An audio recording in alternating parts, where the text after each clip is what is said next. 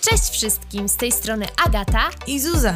A to jest Maniery Podcast dla wszystkich dziewczyn, które chcą rozwijać się w zgodzie ze sobą. Tworzymy miejsce, w którym każda z nas wspiera i inspiruje się nawzajem. Co dwa tygodnie usłyszycie inspirujące historie gości, którzy ujawniają kulisy swojej kariery. Znajdziecie też u nas przydatne tipy i wskazówki, a także rozmowy o samorozwoju na luzie, zdrowiu psychicznym i self-care. Będziemy też poruszać tematy poważne i rozmawiać o problemach, które dotyczą każdej z nas. Ale nie zabraknie tematów luźnych, bo do życia podchodzimy z dystansem. To co? Gotowe na nowy odcinek?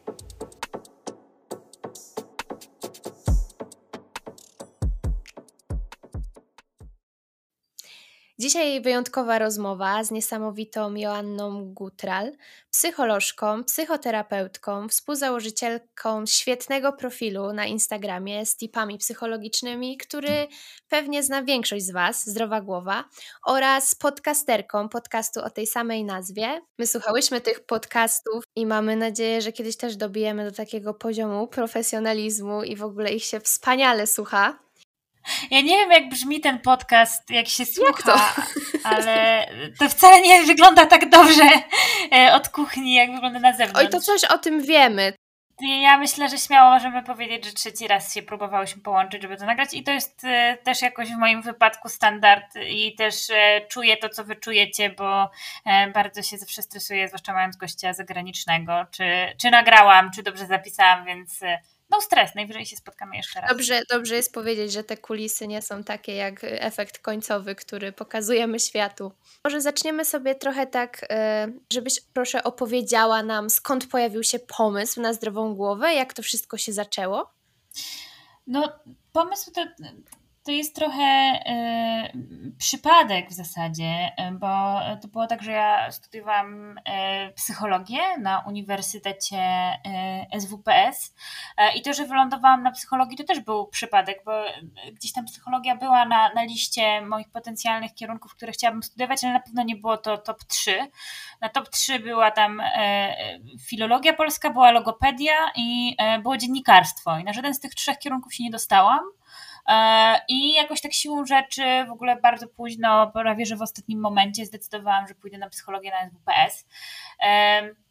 I to był dobry wybór, bo to była miłość od pierwszego wykładu. Pamiętam, że mój pierwszy wykład to była godzina 8.30, psychologia społeczna z profesor Krystyną Skarżyńską w auli profesora Tomaszewskiego. Do końca życia tego nie zapomnę, bo ja bardzo niechętnie w ogóle szłam na te studia. W ogóle był taki okres w moim życiu, że ja nie bardzo wiedziałam, czego ja chcę, y, więc przybrałam taką postawę, że niczego nie chcę, że w sumie wszystko mi jedno, że wszystko mi obchodzi, ale tak naprawdę to ja się bardzo bałam. E, bałam się i tego, że wyjechałam y, z rodzinnego miasta i wyjechałam dość e, daleko. Okazało się, że też nie bardzo jakoś ktokolwiek z moich znajomych e, zdecydował się na studia w Warszawie. Wszyscy wybrali e, tam Trójmiasto czy Poznań, więc tak też nie bardzo miałam znajomych. E, w związku z tym, że chyba przeprowadzając się do Warszawy, byłam w Warszawie bodaj trzeci raz w życiu, więc w ogóle nie wiedziałam, w którą stronę jedzie który tramwaj i w ogóle gdzie mam jechać. I chyba pierwszy raz na uczelni jechałam dwie godziny, co? bo kilka razy, tak, kilka razy wsiadłam jakby w drugą stronę i wiedziałam, że mi się to przytrafi. U mnie lewa, prawa, jakby nie ma żadnego o, znaczenia. O, to się możecie ten z Agatą więc... przybić piątki wirtualne. Tak, tak, tak. Jak ja mówię, że żeby skręcić w lewo, to lepiej skręcić w drugie lewo, bo to naj, najpewniej ja się pomyliłam. Ja teraz w ogóle y, tak y, a propos tego jestem w Anglii, więc tutaj wszystko jest jeszcze na odwrót, więc możesz sobie wyobrazić. O, ja to ja już bym, to już by było za dużo na, na moją głowę. E, no w każdym razie dojechałam na tę uczelnię i tak w ogóle patrzyłam na tych wszystkich ludzi z taką postawą, wiecie, w ogóle nie chcę się z wami kolegować i ja tutaj, nie wiem, nie wiem, co ja tu robię.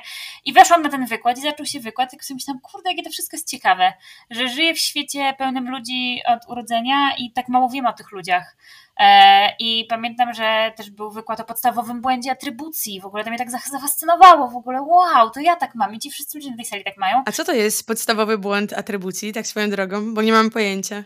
Podstawowy błąd atrybucji to jest wtedy, to jest wtedy kiedy e, przypisuję e, innym, tak jak, jak, jak inni dostali piątkę, to dlatego, że im się udało E, a jak ja dostałam piątkę, to dlatego, że się nauczyłam. Czyli jeżeli wnioskuję o swoich zdolnościach, to dlatego, że ja jakoś się postarałam e, i włożyłam ciężką pracę, a jak innym się udało, to, e, to no właśnie, innym się udało, tak? Już sama tak powiedziałam, że jeżeli inni dostali piątkę, to nie dlatego, że też włożyli ciężką pracę, tylko że im się udało.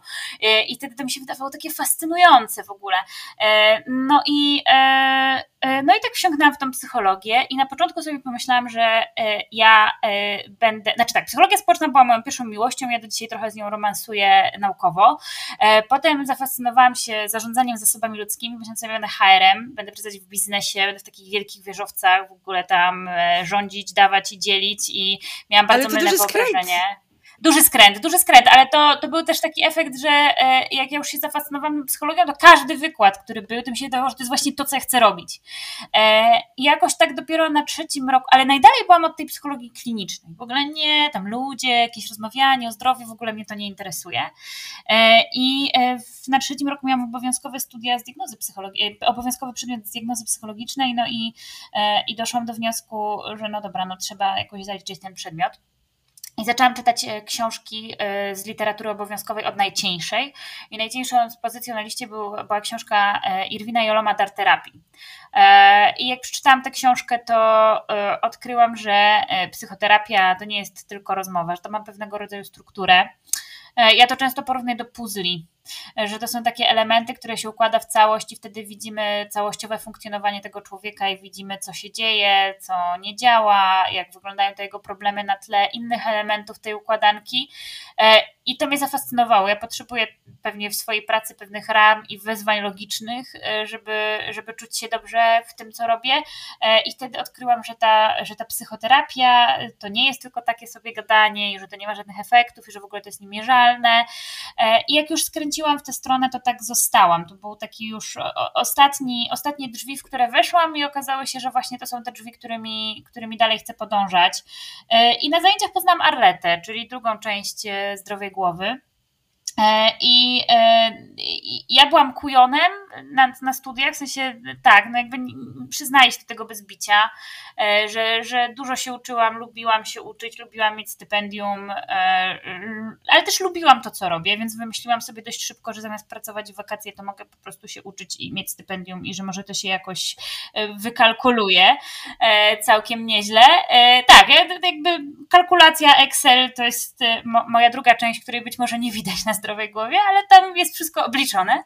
I, e, i Arleta powiedziała, że ona się zna na internecie, może trochę mniej e, koniecznie kujoni tak jak ja, ale ona bardzo lubi internet, e, więc może byśmy razem coś zrobiły. I ona wpadła na taki pomysł, że w Stanach jest taka akcja, ona się nazywa Mam Terapeutę i, i że ona tam popularyzuje wiedzę o psychologii, psychoterapii w zasadzie przez takie psychoterapeutyczne coming outy, czyli że właśnie ktoś się dzieli informacją o tym, że korzysta z psychoterapii, opisuje swoje doświadczenie i to tak normalizuje y, to doświadczenie, no i że w Polsce też by się y, to przydało. I ja nawet nie bardzo miałam przekonanie do tego, ale stwierdziłam, dobra, no w sumie jak chcesz, to zrób. Ja i tak nie umiem nawet strony internetowej założyć, więc y, jeżeli ty umiesz to wszystko zrobić, to jakby ja jestem z tym ok. I Arleta przyszła na drugi dzień, że tak, że ona założyła, już wszystko ma, już ma logotyp, w ogóle wszystko jest ogarnięte i teraz, żebyśmy tych ludzi jakoś tak zaprosiły do tych coming outów. No i najpierw zaprosiłyśmy y, znajomych, e, tych, którzy jakoś wiedziałyśmy o tym, że korzystali z psychoterapii. Arleta też wrzuciła tam e, swo, swoją historię. E, I to tak jakoś mm, się pojawiło. Wtedy jeszcze chyba nie było Instagrama, albo ja nie wiedziałam, że on jest. I najpierw to działało głównie na Facebooku, te, te, te informacje się pojawiały, i bardzo szybko to podchwyciły media jako coś, co jest w ogóle jakimś takim e, e, niebywałym zjawiskiem, gdzie nam się to wydawało w ogóle całkiem normalne. I to był też taki duży paradoks, że e, no my rozmawiamy o psychoterapii, o zdrowiu psychicznym, tak, na takim dziennym poziomie, a dla ludzi to, to jest szokujące. Ja się na przykład z tym uderzyłam i nie, nie potrafiłam zrozumieć tego, że dlaczego niektórych to dziwi, że ludzie chodzą do psychoterapeuty, no ale okazało się, że tych, których to dziwi jest więcej niż tych, których to nie dziwi. E, I faktycznie media jakoś bardzo się tym zainteresowały, bardzo dużo gazet, e, telewizji o tym napisało czy opowiedziało. Natomiast my zaobserwowałyśmy, że nie bardzo te coming outy spływają, tak? Czyli jakoś ludzie chętnie to czytają, ale niechętnie się dzielą tym doświadczeniem. No i tak zaczynając się zastanawiać, co my możemy z tym zrobić, to pomyślałyśmy, może ludziom trzeba po prostu dać wiedzę i narzędzia do tego, żeby trochę zrozumieli, czym jest ta psychoterapia, zrozumieli, czym jest rozwój osobisty, troska o swoje zdrowie. Więc zaczęłyśmy publikować wpisy na blogu, e, jakieś grafiki, jakieś materiały, i to faktycznie wtedy e, poszło. Najpierw to była kampania społeczna Mam Terapeutę, Potem e, e, to się przekształciło e, siłą rzeczy w portal Zdrowa Głowa, bo nie chciałyśmy tylko opierać swojej działalności o, o tę kampanię społeczną, a, a głównie przejść na tę część informacyjną, żebyśmy mogły dużo publikować, zamieszczać dużo treści. No oczywiście siłą rzeczy do, dołączały kolejne kanały Instagram, Twitter i tak to trwa do dziś. My byliśmy wtedy chyba na czwartym roku studiów, dzisiaj jesteśmy już dawno po studiach i, i dalej jakoś jakoś funkcjonujemy. Właśnie chciałam zapytać, ile lat temu zaczynałyście? Zaczęłyśmy, e, to był grudzień 2014 albo 13 nie pamiętam, ale wydaje mi się, że 14, że grudzień 2014. Nie pamiętam, ile lat później powstała yy, Zdrowa Głowa, bo na pewno najpierw przez jakiś czas to było Mam Terapeutę, potem to była yy, właśnie Zdrowa Głowa, ale tak, ja nie, nie, liczę tego czasu. Mi się ciągle wydaje, że to było wczoraj, ale yy, wiem, że jak to się po, na to popatrzy w datach, to, to zaczyna to wyglądać inaczej, ale też my dojrzewałyśmy z tą Zdrową Głową, no bo prawda jest taka, że zaczynając to jako jakiś studencki zryw, jeszcze w międzyczasie sobie założyłyśmy koło psychoterapii, bo się okazało, że na uczelni nie ma, a my bardzo chciałyśmy skądś tę wiedzę czerpać, więc musiałyśmy założyć to koło e, psychoterapii. Poznałyśmy fajnych ludzi, poznałyśmy świetnych specjalistów, e, bardzo dużo się same dowiedziałyśmy. Ja w międzyczasie skończyłam e, szkołę psychoterapii poznawczo-behawioralnej, więc jestem certyfikowaną terapeutką poznawczo-behawioralną, ale śmiało można powiedzieć, że to się zaczęło od przypadku, od studenckiego zrywu, ale też od takiego poczucia, że to, czego my się uczymy na studiach, to jest coś, co powinni wiedzieć wszyscy ludzie na świecie. I o ile, e, nie wiem, może to będzie jakieś takie trochę stereotypowe porównanie. Osoby, które studiują, nie wiem, systemy informacyjne, informatykę, na pewno wiedzą o komputerach dużo więcej e, niż ja. Natomiast jeżeli mój komputer się zepsuje, to ja mogę do nich zadzwonić i poprosić ich o pomoc. E, nasze funkcjonowanie psychiczne i zdrowie psychiczne mamy e, my wszyscy, e, a bardzo niewiele o nim wiemy.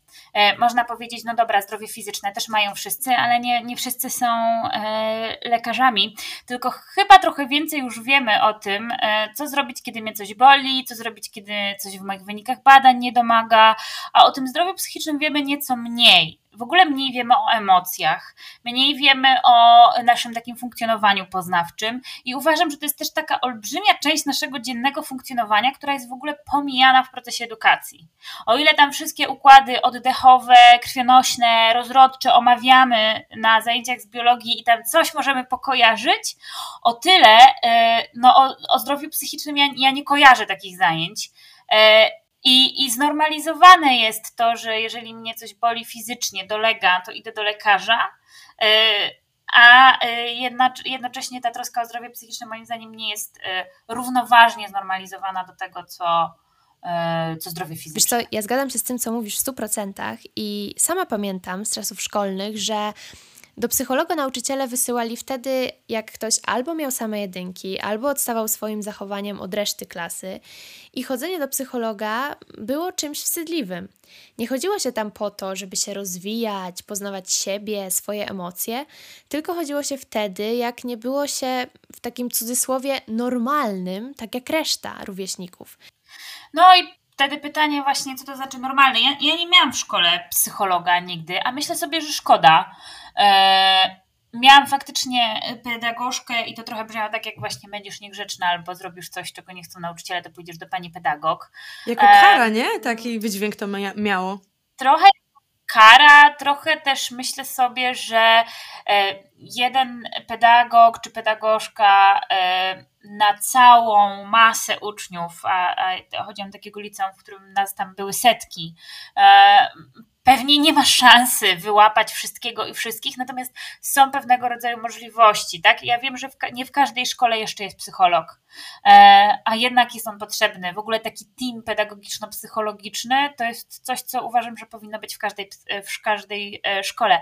Mamy godziny wychowawcze, które nie wiem, jak wy wspominacie, u nas zawsze były luźną godziną na odrabianie zajęć. Mhm, tak. A, to jest niesamowity czas raz w tygodniu do zagospodarowania na e, na olbrzymią ilość treści, na to, jak sobie radzić ze stresem maturalnym, e, na to, jak sobie radzić z, tak, z taką presją w obliczu tych decyzji życiowych, że trzeba iść na studia, żeby właśnie potem nie być taką e, zblazowaną nastolatką, jaką ja byłam, która udawała, że w ogóle nic mnie nie obchodzi, wszystko mam w dupie, a w środku byłam e, przerażona, zestresowana, bałam się tym, bałam się tego, co się stanie z moim życiem, że teraz stoję u progu jakichś najważniejszych decyzji, które zdeterminują resztę mojego życia. Chciałabym, żeby wtedy ktoś jakoś ze mną o tym porozmawiał, a po prostu takiej osoby nie było. I tego e, uważam, że to się należy po prostu e, wszystkim młodym osobom, nie tylko maturzystom, licealistom, ale i gimnazjalistom i osobom e, w szkole podstawowej. Absolutnie się z tym zgadzam, jakby y, każda z nas, w ogóle ostatni, poprzedni odcinek, który na, nagrywałyśmy tego dotyczył, rozmawiałyśmy y, właśnie o tym, y, jaka presja i stres towarzyszy w aplikowaniu na studia, no ale też tak e, rozmawiając ze znajomymi między sobą, doszłyśmy do takich wniosków, że jakby teraz w obliczu tego, że gdzieś tam kończymy studia i ciężko jest znaleźć pracę, e, towarzyszy nam to samo, że my nie wiemy jakby, wiesz, co dalej będzie i tak dalej, tylko że tutaj już jest ta świadomość, że masz w swoim gronie pełno znajomych, którzy są na psychoterapii i jak ty nie chodzisz na psychoterapię, to jesteś, ej, stary, no ale idź, pomóż sobie, nie? I jakby masz taką presję w drugą stronę, że idź, ale uważam, że to jest znowu mega mm, super rzecz, która się dzieje, że jakby ludzie mm, to normalizują e, w swoich kręgach w tej chwili. Ja myślę, że idziemy do przodu w ogóle z tą normalizacją. W żółwim ale jakby do przodu, więc ja jakby jestem pełna nadziei i optymizmu, e, patrząc też na to, że e, wielu z nas, e, moich koleżanek psycholożek, czy kolegów psychologów, psychoterapeutów, nie mamy miejsca w gabinecie, tak? To znaczy, że faktycznie coś się zaczyna zmieniać, że więcej osób chce skorzystać z tej formy pomocy. Ja sobie myślę, że to jest bardzo cenne, a z drugiej strony też zaciągnąć na uszy na psychoterapię nikogo się nie da, natomiast tak jak powiedziałaś, dorosłe osoby, osoby po studiach mają trochę inne wsparcie, trochę być może inną gotowość, chociaż nie wszyscy do tego, żeby mówić o tym, co boli, co straszy, co przeraża.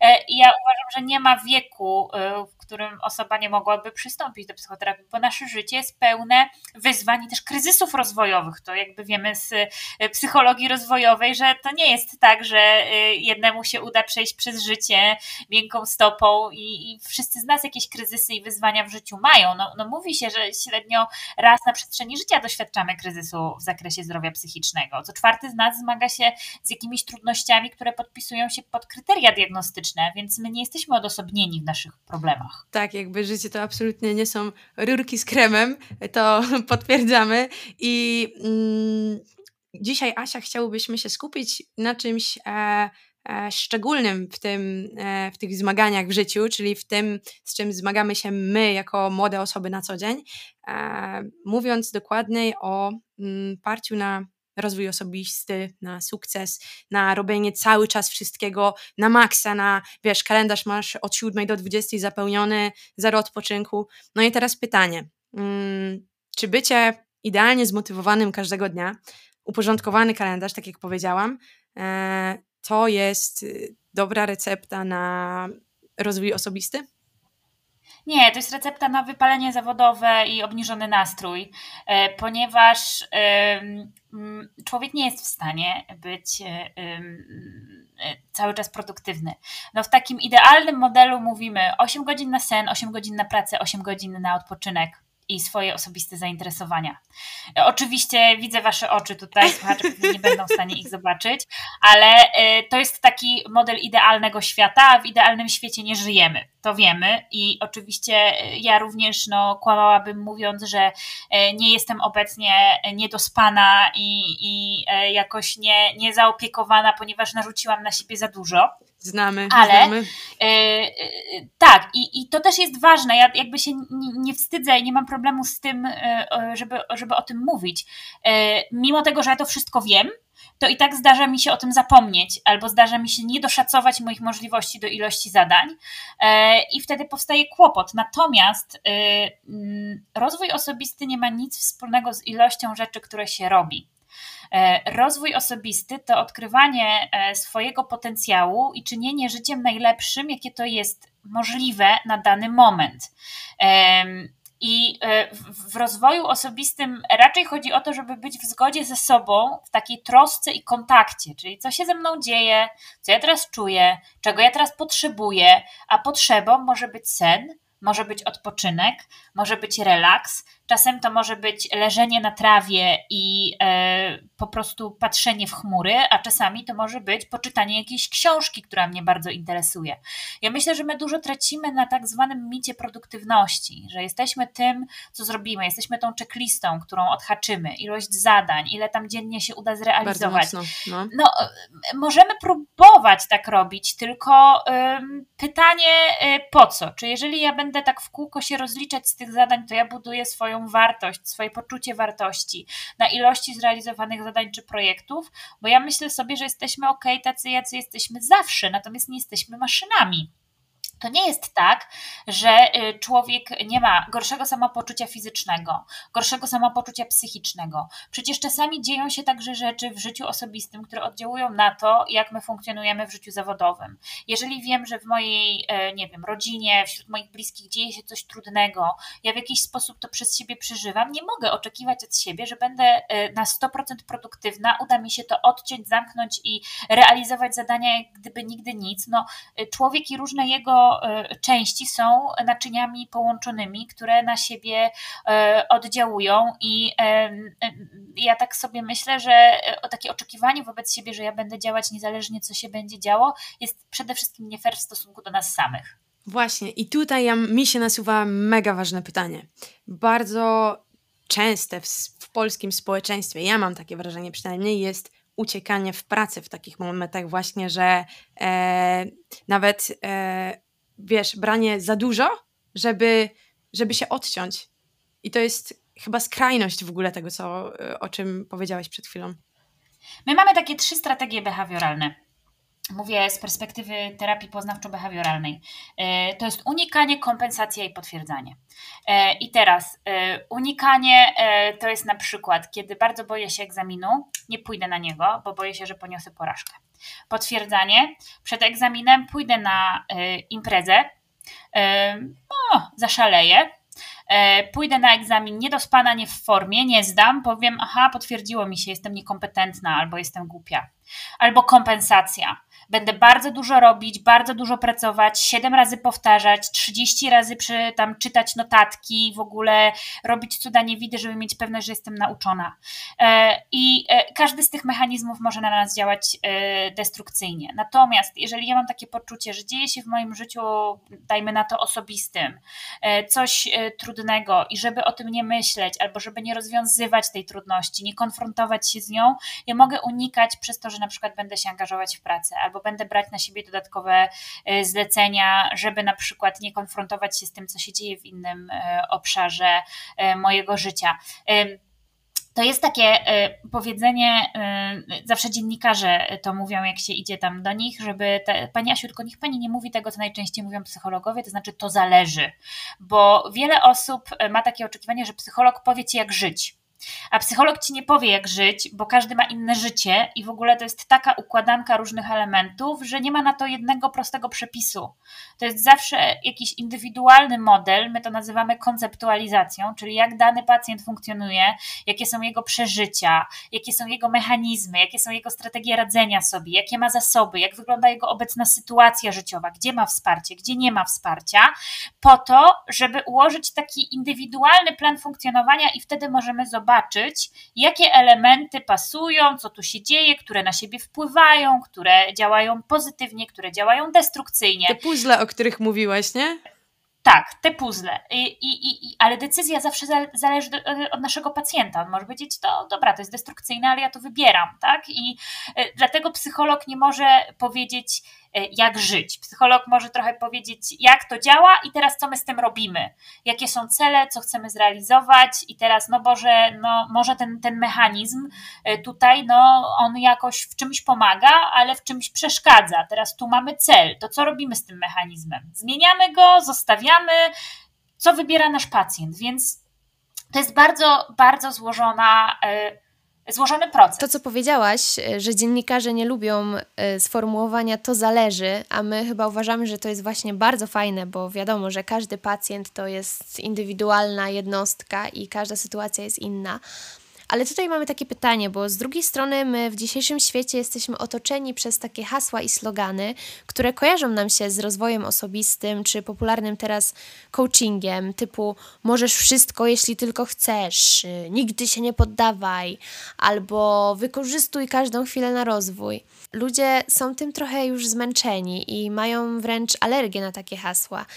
Jak myślisz, dlaczego coaching i rozwój osobisty stał się negatywnie nacechowanym pojęciem? on się stał negatywnie nacechowany przez takich przedstawicieli gatunku, którzy być może podeszli do tematu e, zbyt y, pop.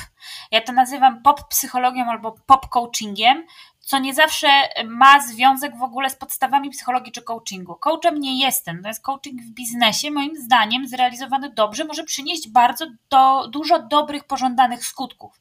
To samo psychologia i teraz e, możesz wszystko, pewnie, w pewnych ograniczeniach, no bo y, y, tolerancja niepewności jest czymś, co powinniśmy wpisać w życie. Nawet najlepiej zaplanowany dzień może się nie udać, jak nam się spóźni autobus albo zepsuje samochód. Nie? Znamy takie przypadki. Wszystko poukładane po prostu co do minuty i nagle e, po prostu pociąg, 90 minut opóźnienia i cały plan w łeb.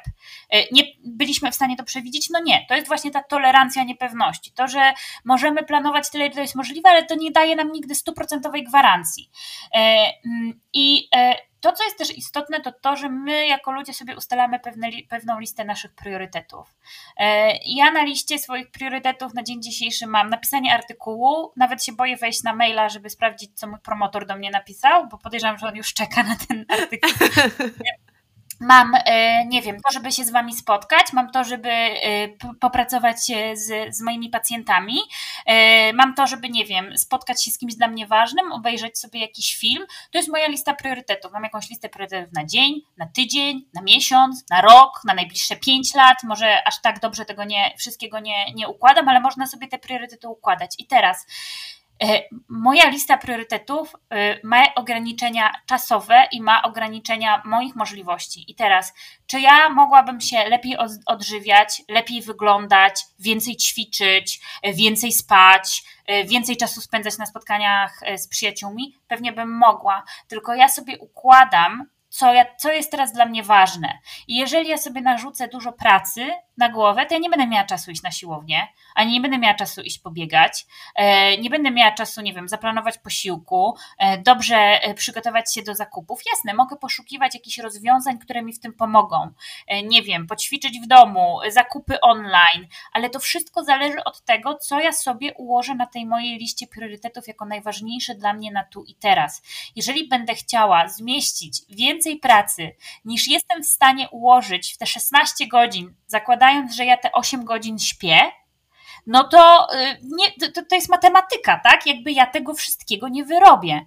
E, jeżeli pewnie mogę sobie odejmować ze snu, ktoś by pomyślał, co za problem spać 6 godzin czy 5 godzin. Ja wiem, że mój organizm potrzebuje 8 godzin, żeby funkcjonować. I teraz, jeżeli ja sobie nie dam tych 8 godzin, to na moje następne 16 godzin ja nie będę w pełni, w pełni mojej formy, więc nie będę mogła zrealizować tego wszystkiego, co sobie zaplanowałam.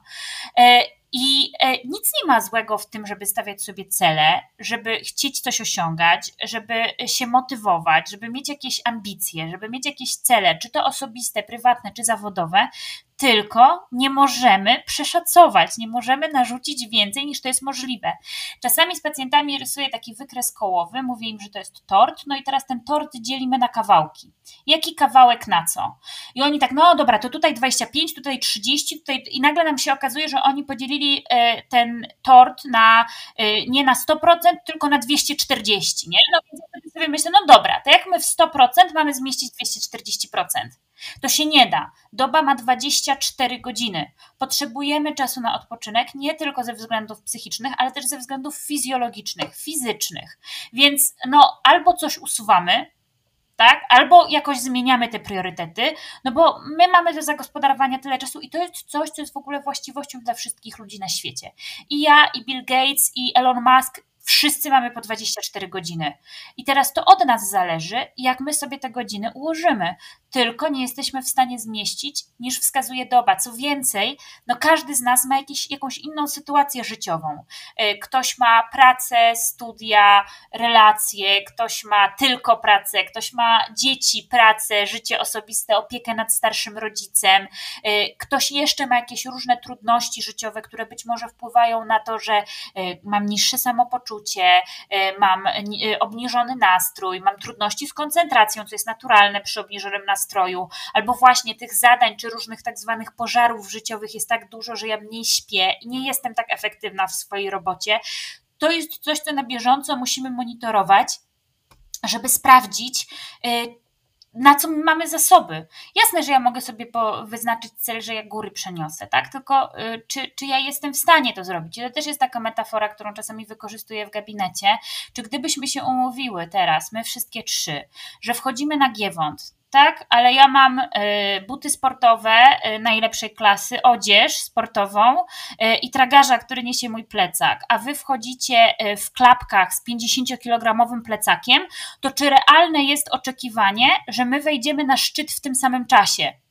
No nie, pewnie każda z nas może dojść, gdybyśmy się uparły, tylko pytanie, czy zrobimy to w tym samym stylu i w tym samym czasie? No pewnie nie. Więc jeżeli ktoś E, ma jakieś trudności e, na dany moment w życiu, ma e, obniżony nastrój, ma, nie wiem, mniej śpi, ma jakieś dolegliwości fizyczne, różną konfigurację życiowo-zawodowych trudności, to on ma klapki 50 kilo na plecach. I teraz trochę trzeba to wziąć pod uwagę. Okej, okay, to co taka osoba wtedy, mm, co jest w tym plecaku, który ta osoba musi zrzucić, zanim w ogóle założy no, nowe buty? To, to pytanie pewnie do tej osoby, co tam w tym plecaku e, jest, żeby to jakoś sobie nazwać, żeby to sobie zidentyfikować, e, no ale nie udawać, że tego plecaka nie mam. Tak? E, I ja mogę się wtedy zastanawiać, co jest w tym plecaku takiego, nad, czym ja mam wpływ i co ja mogę z tym zrobić. To też jest kolejna pułapka takiego trochę mm, samorozwojowego hura optymizmu w tym wydaniu pop. Myśl pozytywnie. No, jeżeli przyjdzie do mnie pacjent który mówi mi o trudnych wydarzeniach w swoim życiu, rozstanie z partnerem czy z partnerką, y, choroba, nie wiem, rodzica, dziadka, y, zaliczenia y, na studiach i jakieś trudności z tym związanych, a on chciałby się czuć dobrze, to ja bym powiedziała, że to jest niemożliwe. Tak? No bo jeżeli w naszym życiu dzieją się smutne rzeczy, to smutek jest naturalną odpowiedzią na ten bodziec. Jeżeli ktoś mnie wkurzy, ktoś naruszy moje granice, to moją naturalną reakcją emocjonalną jest złość. My nie mamy za zadanie usuwać tych emocji. My musimy znaleźć sposoby radzenia sobie z nimi. I czasami faktycznie jest tak, jak na przykład choroba bliskiej nam osoby, że y, my nie możemy nic z tym zrobić. E, możemy wspierać tę osobę, e, możemy, nie wiem, e, towarzyszyć jej w wizytach lekarskich, ale my nie możemy jej wyleczyć albo nie możemy sprawić, żeby ona jakoś się wyleczyła sama. I to jest smutne wydarzenie życiowe. Naturalną odpowiedzią, prawidłową reakcją naszego organizmu będzie smutek. Tylko my nie możemy tego smutku zamiatać pod dywan i udawać, że go nie ma, bo być może właśnie ten smutek jest w tym plecaku. I to jest ta część, której nie możemy wyjąć. I, i co robić w takiej sytuacji? Właśnie, y, okej, okay, pogodzić się z tym smutkiem, bo nie jesteśmy w stanie go wyjąć, ale jakie są wskazówki dla takiej osoby? No znowu, no odpowiem, to zależy, tak? No bo to nie mamy jednorazowego takiego uniwersalnego e, przepisu. E, emocje są od tego, żeby je przeżywać. Jeżeli ja jestem smutna, a będę miała oczekiwania do siebie, ale mnie to nie obchodzi, że ty jesteś smutna. Dawaj do roboty i tutaj piszesz artykuł po nocach, nikogo to w ogóle nikogo to nie obchodzi, tak? E, no to, to ja się będę tym smutkiem biczować i jeszcze będę dokładać sobie różne zadania, które są niemożliwe do zrealizowania, bo moje możliwości są obniżone. Być może wtedy wtedy takim sposobem jest zadzwonić do przełożonego promotora i powiedzieć: e, Zmagam się teraz z trudną sytuacją życiową i e, moje możliwości czasowe, poznawcze są ograniczone. Poproszę o wydłużenie tego deadline'u na trzy tygodnie. E, to może być też to, że ja wezmę urlop że ja po prostu biorę wolne e, w pracy i to nie znaczy, że ja jestem słaba, że ja jestem gorsza, że ja sobie niewystarczająco dobrze w życiu radzę. To znaczy, że ja identyfikuję to, co się dzieje i patrzę na potrzeby, które z tego wynikają.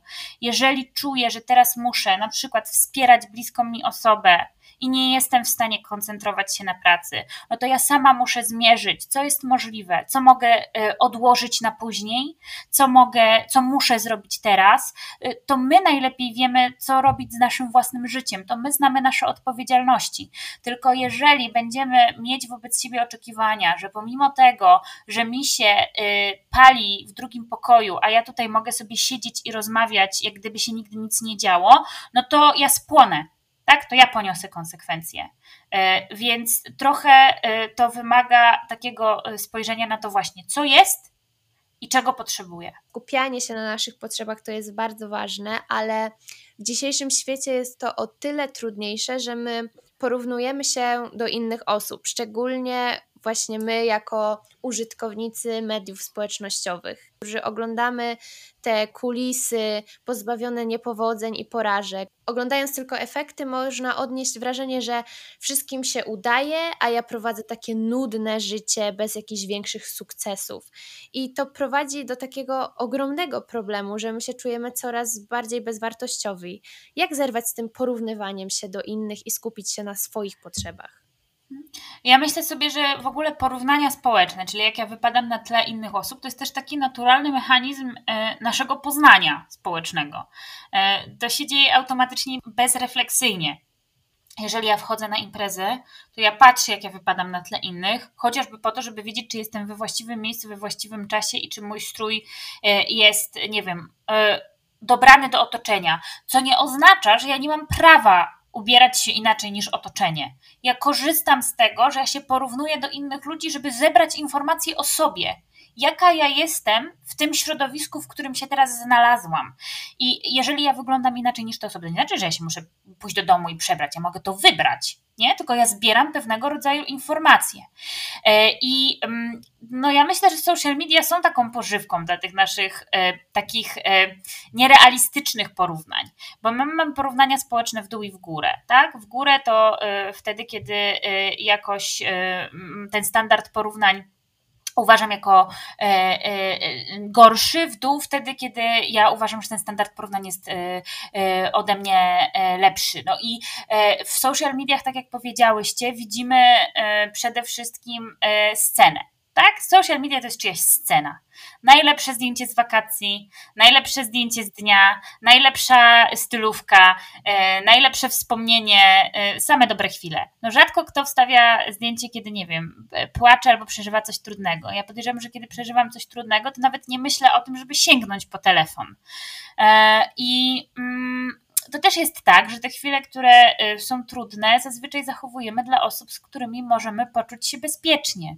Jeżeli mamy kilkaset czy kilka tysięcy obserwujących na Instagramie, no to na pewno nie są to tylko osoby, które są e, nam bliskie, tylko są to różne osoby, które tam kiedyś w życiu spotkaliśmy e, i być może nie chcemy, żeby wiedziały o nas pewne rzeczy, albo nie czujemy się z nimi na tyle bezpiecznie w relacji, żeby się móc podzielić czymś, co jest trudne i osobiste. Więc e, no takie bliskie, trudne dla nas rzeczy są zachowane głównie dla bliskich relacji. Dlatego mówimy, że te relacje są bliskie, na przykład partner czy partnerka to jest ta najbliższa relacja, bo oni już widzą nas po całości. E, natomiast jeżeli my nie będziemy brać pod uwagę tego, że no właśnie, to jest czyjaś scena i ja nie widzę tych kulis i teraz siedzę na kanapie w dresie, niekoniecznie w najlepszej kondycji yy, psychofizycznej i oglądam czyjąś scenę i porównuję Y, swoje kulisy do cudzej sceny, to to nie jest fair porównanie. To jest znowu E, Jana Giewon w butach sportowych, a ktoś w klapkach z plecakiem. E, po prostu to nie jest realistyczny standard porównań. I pamiętam, jak zaczynałam studia doktoranckie, to tak mi się wydawało, że wszyscy już mają tyle publikacji, tyle grantów i w ogóle nie są tacy mądrzy, a ja jestem taka, taka głupia, taka młoda, w ogóle nic nie wiem o życiu, nic nie wiem o nauce. I na którychś zajęciach ktoś nam pokazał, że dobra, ale ci ludzie są od was 20 lat starsi, czyli oni mieli czas, żeby zrobić to doświadczenie, i na przykład ten czas to jest coś, czego wy nie przeskoczycie. No nie mamy guzika, przyspiesz w życiu. E, no i też e, nie pamiętam niestety teraz nazwiska, ale wiem, że w Stanach jest takie laboratorium, w którym e, część osób z tego laboratorium publikuje swoje CV złożone z porażek. Czyli właśnie kiedy ich artykuł został odrzucony, e, kiedy ich grant został odrzucony, e, kiedy tam, nie wiem, nie zostali przyjęci na jakiś staż. I nagle się okazuje, jak popatrzymy na to CV porażek, to że ono jest bardzo porównywalne do tego CV sukcesów. Tak, że zarówno za każdym opublikowanym artykułem, na drugiej stronie jest kilka nieopublikowanych artykułów, tylko że my po prostu no, dość naturalnie się tym nie chwalimy. I teraz widzę też taki trend w internecie, że coraz więcej osób, też takich znanych influencerów, akurat tu mi przychodzi na myśl y, Red Lipstick Monster, która robi świetną robotę w tym zakresie, pokazuje zdjęcia tak z odstępem dwóch czy trzech sekund, jak wciągając brzucha, nie wciągając brzucha, można wyglądać w leginsach. I myślę, że to są takie bardzo fajne, normalizujące kawałki, że słuchajcie, ja, to, to nie jest tak, że ja tak wyglądam na zawsze, że są dobre dni, w których się świetnie czuję. Są dni, w których się obstroiłam w najlepszą kieckę, zrobiłam świetny makijaż i wyglądam zjawiskowo, ale też są dni, w których mi się nie chce malować, albo nie mam ochoty się dobrze ubierać, albo w ogóle jakoś e, dzisiaj ten mój wygląd i outfit spada z listy priorytetów, bo dzisiaj mam dzień na kanapie i, i nie wiem, sprzątanie mieszkania, tak? Że to życie jest bardzo różne. Nie mamy tylko dobrych żyć, nie mamy tylko dobrych dni, nie mamy tylko dobrego nastroju. Jak sobie pomyślimy o emocjach podstawowych: złość, smutek, wstręt, lęk, radość. To tylko radość jest tą emocją o tej walencji pozytywnej tak? Czyli o tym kierunku pozytywnym. A pozostałe cztery emocje, no to możemy pomyśleć, że one y, mają właśnie ten negatywny, mówimy trudne emocje, negatywne, o walencji negatywnej, tak? Ale każda z tych emocji pełni rolę informacyjną. Smutek, tracę coś, co jest dla mnie ważne. Y, złość, ktoś y, zagraża mi, moim granicom, lęk, czegoś się obawiam, coś, co jest dla mnie ważne, jest zagrożone. Wstręt, no to też tak ewolucyjnie, tak? Wstręt nas ostrzega przed tym, żebyśmy nie zjedli czegoś, co być może zagraża naszemu życiu lub zdrowiu. No i radość, tak? jestem spełniona, czuję się dobrze, e, moje potrzeby są zaspokojone. To jest informacyjna rola emocji. Gdybyśmy się chcieli skupić tylko na radości, a resztę obciąć, no to tracimy bardzo dużo informacji o sobie i o naszym życiu. I teraz moim zdaniem ten rozwój osobisty polega na tym, żebym ja była dogadana z tymi wszystkimi emocjami, żebym ja się nauczyła je rozumieć, co one chcą mi powiedzieć, o czym one świadczą? Co się teraz takiego wydarzyło, że ja czuję złość? Które z moich e, granic na przykład zostały jakoś nadepnięte, nadszarpnięte? E, czuję smutek, co ja tracę? Coś, co się takiego dzieje, że mnie to zasmuciło. E, I też często jakoś tak w gabinecie osoby mówią, że nie, że no ta, wie pani, ta złość, ten lęk to jest w ogóle strata czasu. Trzeba by było, żeby było tylko dobrze, dobrze, dobrze. Nie ma takiego filtru, który pozwoli nam przepuszczać tylko radość, a resztę zatrzymywać. Jak zatrzymujemy to wszystko, jak czujemy to wszystko. I e, mamy też takie przekonania o tym, że właśnie to jest szkoda czasu na smutek. Jak się dzieją smutne rzeczy i ktoś czuje smutek, to znaczy, że jego organizm działa prawidłowo. Jeżeli ktoś czuje smutek, mimo tego, że w życiu jest teoretycznie wszystko ok, to wtedy znaczy, że coś może się dziać niepokojącego tak? To znaczy, że może warto wtedy poszukać y, jakiejś, y, jakiegoś wsparcia profesjonalisty. Y, każdy czuje złość.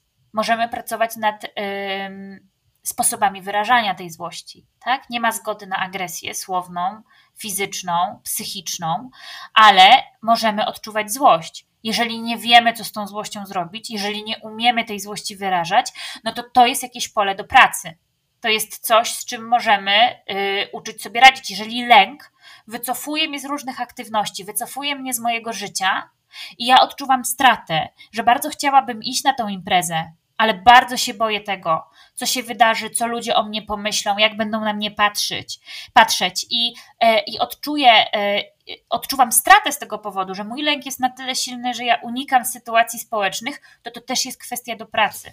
To jest mega, mega świetne spojrzenie na całokształt poznawania siebie tak naprawdę. Nigdy jakby mm, staram sobie notować gdzieś e, każdego dnia, jak się czułam, kiedy, e, właśnie po to, żeby się poznać i muszę przyznać, że to gdzieś tam bardzo mocno rozwinęło to, jak patrzę na, na te emocje, ale nie dotarło do mnie, że faktycznie to jest poznawanie siebie w, takim, e, w taki sposób, który teraz opisałaś, że no, to nas definiuje na co dzień, to, to co my czujemy, więc jakby no, do mnie dotarło dużo właśnie.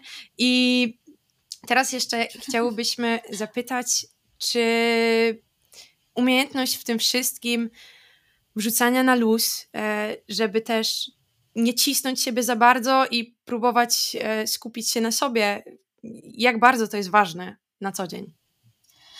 No bardzo, no bo jak nie, na, nie naładujemy tej baterii, jak nie będziemy siebie pytać, yy, co tam u mnie, co się ze mną dzieje, no to właśnie mogę się zabiczować, przepracować. No mamy takie czasami wewnętrzne, krytyczne głosy, które są różnego rodzaju przekonaniami różnych znaczących osób, które gdzieś się pojawiały na drodze na, naszego życia. Musisz dawać radę, yy, musisz, yy, nie wiem, zawsze wywiązywać się ze swoich obowiązków.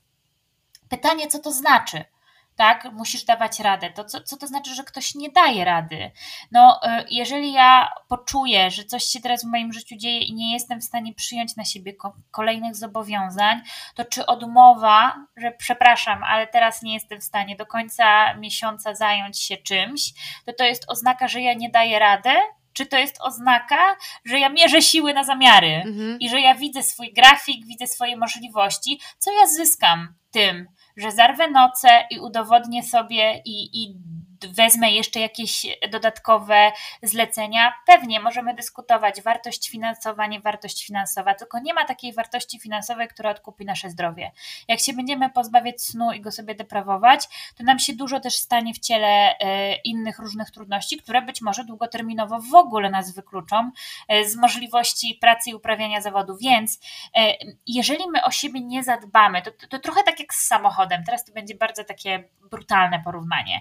Jeżeli ja nie będę, i, i jeżeli mnie słucha ktoś, kto się zna na samochodach, to z góry przepraszam, ale ja się nie znam. Jeżdżę różowym Renault i wiem tylko o tym, że to jest Renault i że jest różowe i koniec.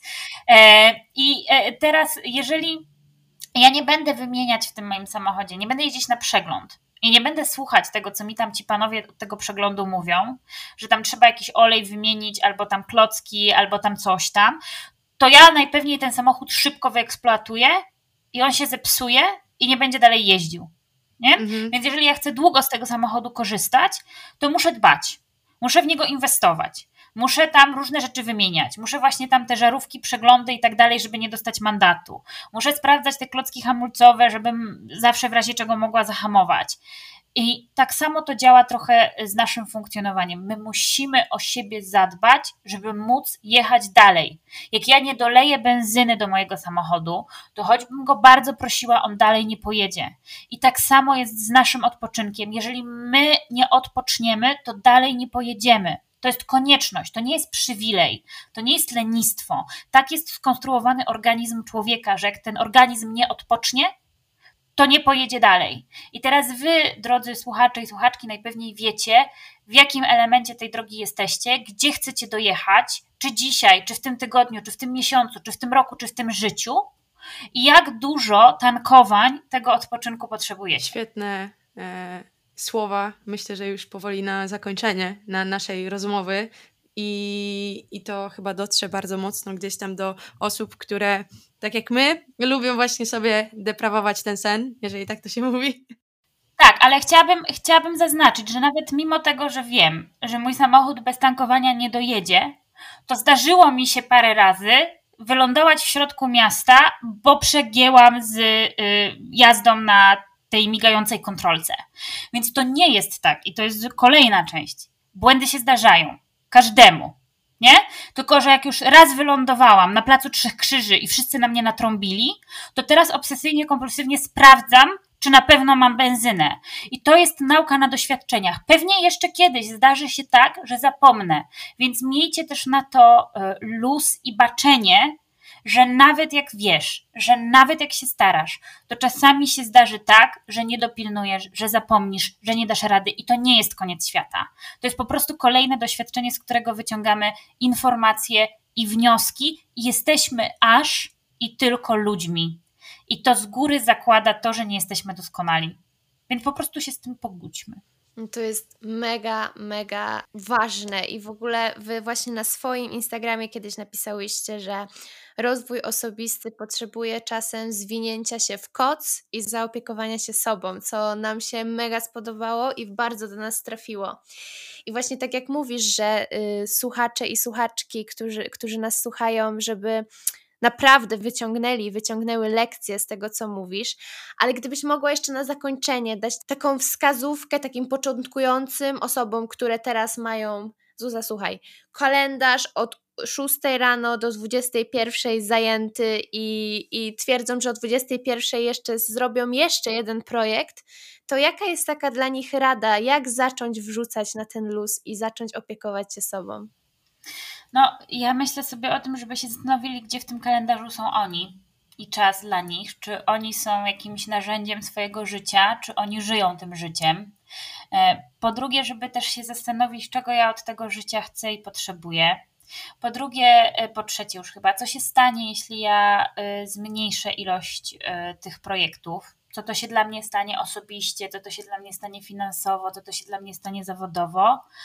E, no i po e, czwarte, spróbować. Spróbować nawet wpisywać w tym kalendarzu, jeżeli ktoś jest bardzo do niego przywiązany, czas dla mnie, który też jest pewnego rodzaju zadaniem i odpowiedzialnością, która na nas spoczywa. Że ja muszę planować e, czas, w którym ja odpoczywam, w którym e, ja dbam o siebie, w którym korzystam z tego życia w taki sposób, w jaki to jest dla mnie najbardziej satysfakcjonujące. Powiem Wam tak, ja żyłam przez e, trzy lata pracując 7 dni w tygodniu. To nie był dobry czas w moim życiu. E, nie dam sobie już nigdy więcej, mam nadzieję, właśnie się to nagrało, więc będzie miał mnie kto z tego rozliczać, zabrać weekendów. Dlatego, dlatego że ja chcę, e, też chcę z tego życia pokorzystać. Ono jest przyjemne, ono jest dobre, ono jest ważne. Mnie cieszy to, że mogę wyjść na spacer, e, mogę spotkać się z kimś, kto jest dla mnie bliski czy ważny, mogę, nie wiem, pojeździć na rowerze, mogę odwiedzić jakieś ciekawe miejsce. To mi ładuje baterię, którą potem mogę sobie wykorzystać na różne zadania w pracy ale y, to też jest ważne, żeby widzieć jakiś y, sens. E, a przyjemność, bliskość, wspólnotowość są również ważnymi elementami tego życia, nie tylko sprawczość i zadania. Nie jesteście zadaniami, które realizujecie. Jesteście tym, kim chcecie być, jesteście sobą i to jest niesamowita, olbrzymia wartość i zasób, z którego możecie korzystać. Dbajcie o siebie, tyle mogę powiedzieć. Ja, ja z pewnością po zakończeniu wpiszę sobie do kalendarza czas dla siebie, ale na usprawiedliwienie to jest tylko etap przejściowy u mnie, bo po prostu mam magisterkę i parę innych rzeczy. Zamykamy to i wtedy jadę na wakacje. I pożary się zdarzają. Pożary się zdarzają, pamiętajcie, to nie jest jeszcze koniec świata. Ważne, żeby po pożarze y, zadbać o odpoczynek. Jasne. Serdecznie Tobie dziękujemy. Odcinek Petarda. Ja jestem zafascynowana wszystkim, co nam powiedziałaś i życzymy Tobie e, świetnego dnia i, i świetnego wieczoru z udanego, z artykułem, który pewnie będziesz miała przed sobą. Tak jest, spadam do pracy teraz właśnie, moja wiarygodność została podważona. Możemy to jeszcze wyciąć, więc don't worry. Pożary się zdarzają. Spoko. Jest pożar, odpoczynek jest zaplanowany. Zacznie się od piątku. Właśnie, dokładnie. Dziękujemy serdecznie. Dzięki za przesłuchanie naszego odcinka i po więcej takich treści zapraszamy Was do subskrypcji naszego podcastu na Spotify, YouTube, Apple Podcast albo gdziekolwiek go słuchacie. Zaglądajcie również na nasz profil na Instagramie maniery.pl, na którym pojawia się dużo fajnych rzeczy. Do usłyszenia. Zuza i Agata.